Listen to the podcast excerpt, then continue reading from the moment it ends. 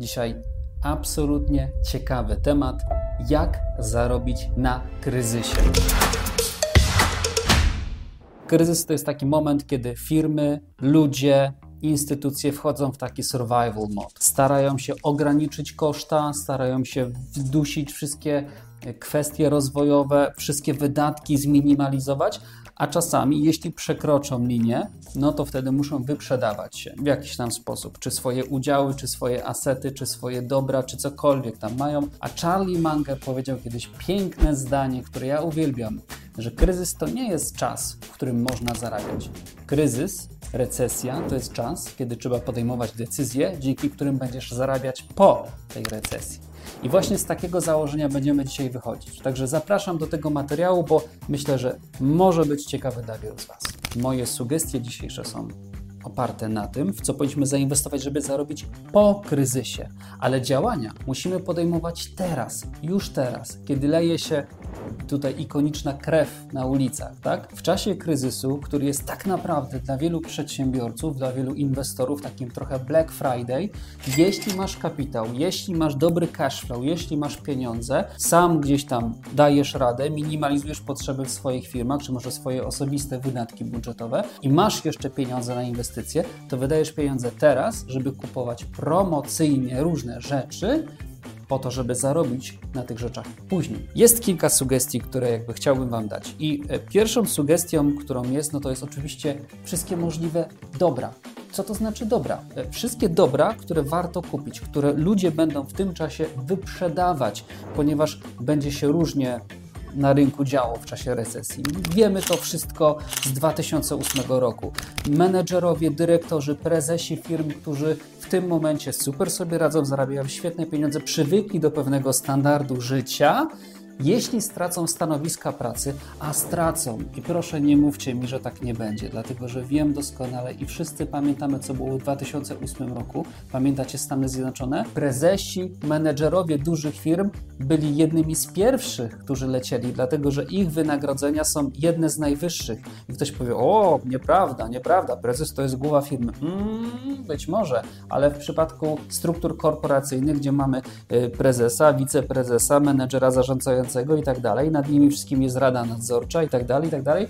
Naprawdę, stanowisko prezesa wcale nie jest takie kluczowe, jakby się komukolwiek mogło wydawać. Także prezesi będą lecieć, a jeśli są przyzwyczajeni do standardu życia, no to zacznie się kłopot, bo oni będą szukać teraz nowych stanowisk na rynku pracy, będą się rozglądać za nową pracą i co się będzie działo? Będą mieli trudności, dlatego że na całym rynku w całej jego rozciągłości będzie działała się recesja. Więc będą mieli kłopoty, żeby znaleźć e, stanowiska pracy, żeby znaleźć pracę i takie przypadki były przecież w 2008 roku, znowu się powołuje, tak? Ale było tak, że prezesi dużych firm wylatywali tylko po to, żeby potem znajdywać naprawdę przeciętne role za przeciętne pieniądze. I tak rzeczywiście będzie. I powiedzcie mi, co wtedy się stanie z tymi wszystkimi ich Lambo, Rolexami, Omegami, e, torebkami od Hermesa, ich żon, być może drugim, trzecim mieszkaniem, domkiem wakacyjnym. To będzie moment, kiedy oni przyciśnięci, postawieni trochę pod ścianą, zaczną szukać sposobu, żeby wyprzedawać pewne dobra. I to jest oczywiście przykład skali mikro. Jakby ten sam przykład w skali makro możemy zastosować w stosunku do biznesu, do przedsiębiorstw. Ale wróćmy do tego przykładu mikro. I ci ludzie będą wyprzedawać swoje Lambo. Nie za te 700, 800, 900, 1,5 miliona, za które kupili. Oni będą je wyprzedawać za dużo mniejsze pieniądze, dlatego że wiedzą doskonale, że w tym momencie potrzebują pieniędzy.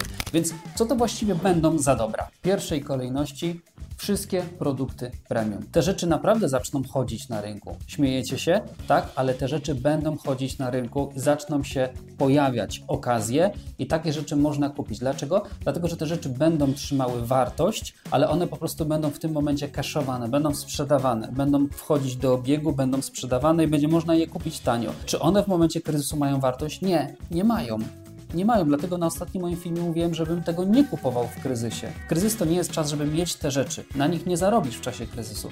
Ale z drugiej strony, jeśli te rzeczy kupisz, myślmy kontrariańsko cały czas, jeśli te rzeczy kupisz, to po kryzysie one znowu odzyskają swoją wartość, bo odzyskają. Zegarek Rolexa kupiony za 100 tysięcy złotych, e, sprzedany w czasie kryzysu za 60 czy, czy 50 tysięcy, bo ktoś jest przyciśnięty, odzyska swoją świetność po kryzysie, a z czasem będzie jeszcze zyskiwał na wartości. Moja kolejna propozycja, dosyć zbliżona do tego. Wszystkie produkty kolekcjonerskie. Jeśli kolekcjonujesz dzieła sztuki, obrazy, ale nie tylko, możesz kolekcjonować karty Magic the Gathering, możesz kolekcjonować Pokémony, karty Pokémonów. Wiecie, że karty Pokémonów są niesamowicie zyskowną dziedziną kolekcjonerstwa? Mój trzeci typ. Udziały w spółkach. Tak, to będzie czas, kiedy wiele firm, i znam osobiście takie polskie firmy, które miały świetny czas, przeinwestowały i złapały zadyszkę. Miały bardzo dobry run, czyli jakby super, super im szło, rok po roku coraz większe revenue, coraz większe przychody, nisko, trzymały niskie koszta, e, nie wydawały bardzo dużo i w, tym momencie, w pewnym momencie stwierdziły, ok, dobra, to jest nasz czas, jeśli tego nie wykorzystamy, to, to będzie ciężko. Musimy to zrobić tu i teraz i zaczynały inwestować, budowały większą sieć, zatrudniały więcej ludzi, przenieśli się do innego biura, tak? wynajmowali więcej powierzchni i tak dalej, i tak dalej, na długoterminowe umowy. I co się działo? Przychodził kryzys spowodowany czymś, bo znam takie firmy, które nie jakby z oficjalnego powodu kryzysu tego globalnego, który teraz będzie miał miejsce i ma miejsce już w tym momencie, tylko z powodu jakichś mniejszych kryzysów, które akurat ich branże dotknęły, złapały zadyszkę, czyli jakby traciły płynność finansową, miały trudności z utrzymaniem płynności finansowej, przeinwestowały w pewnym momencie i zaczynały chcieć się ratować, czyli wyprzedawały różne rzeczy, to jakby wracamy do punktu pierwszego i drugiego. Tam, gdzie mogły, zamykały oddziały, co jest jakby opcją, żeby na przykład móc kupować taniej, jakieś lokale i tak dalej, i tak dalej, ale przede wszystkim zaczynały poszukiwać potencjalnych inwestorów przy dobrej wycenie. Rynek nieruchomości, który jest nice to have, a nie must have. Co ja przez to rozumiem? Wiecie, że moje zdanie na temat rynku nieruchomości jest takie, że to jest dobra inwestycja, ale są lepsze. Natomiast w czasie kryzysu warto wykorzystać pewną dźwignię biznesową, która polega na tym, że ludzie, tak jak powiedziałem w przykładzie numer jeden, zaczną wyprzedawać miejsca luksusowe, bo w czasie kryzysu nikt nie myśli o tym, żeby mieć kolejny domek wakacyjny, czy jakąś fajną rezydencję, czy coś w tym stylu. Czasy kryzysu są czasami, kiedy ludzie koncentrują się na tym, tak jak powiedziałem w trybie survival mode, na tym, jakie można mieć minimalne wydatki, żeby przetrwać. Pojawią się możliwości atrakcyjne, żeby kupić fajne, ciekawe, lokalizacyjnie e, mieszkania, które niekoniecznie są mieszkaniami w centrum miast, blisko szkół, blisko miejsc pracy, bo to są typy must have. W czasie kryzysu na pewno nie będą chodziły takie mieszkania, gdzie ludzie mogą pojechać na wakacje, bo nikt wtedy nie będzie myślał, może nie nikt, tak, ale wielu ludzi nie będzie myślało o wakacjach w górach, nad morzem, e, na Majorce, w Hiszpanii i tak dalej, i tak dalej. Więc pojawi się bardzo dużo okazji, żeby móc kupić taniej tego typu mieszkania. Zresztą rynek hotelarski w czasie COVID-u co robił? Nie wiem, czy zwróciliście uwagę. Wyprzedawał pokoje, tak? Można było kupić pokój w hotelu, bo ludzie nie jeździli, bo hotele miały kłopoty z płynnością finansową, więc po prostu wyprzedawały hotele w tamtym czasie pokoje, które można było kupić za bardzo atrakcyjne ceny. To samo będzie tutaj, w tym momencie. W czasie recesji ludzie zaczynają zaciskać pasa i nie wydają, więc zmniejszy się popyt na mieszkania, hotele. Jest to okazja, żeby zainwestować w to obszar. I ostatnia moja propozycja, którą zawsze każdemu proponuję. Ja wiem, to jest oklepane. Ja wiem, to jest już znane od bardzo dawna. W czasie kryzysu warto zainwestować w siebie.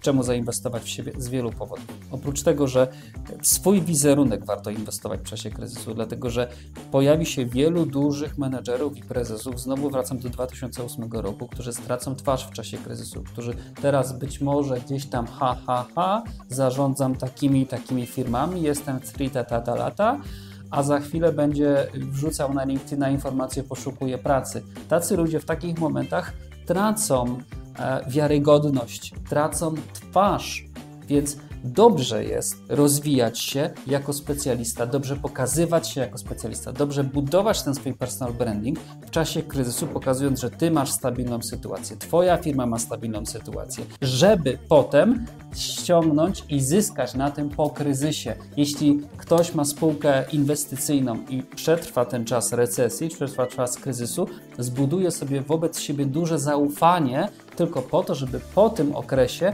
chwalić się i mówić, że my świetnie przeszliśmy okres kryzysu. Na pewno macie więcej swoich fajnych pomysłów, pomysłów. Jeśli tak, proszę napiszcie je w komentarzach. No i jak zawsze, proszę lajkujcie, subskrybujcie, szerujcie. Dzięki, że chcę Wam się oglądać, dzięki, że jesteście ze mną. Trzymajcie się, cześć.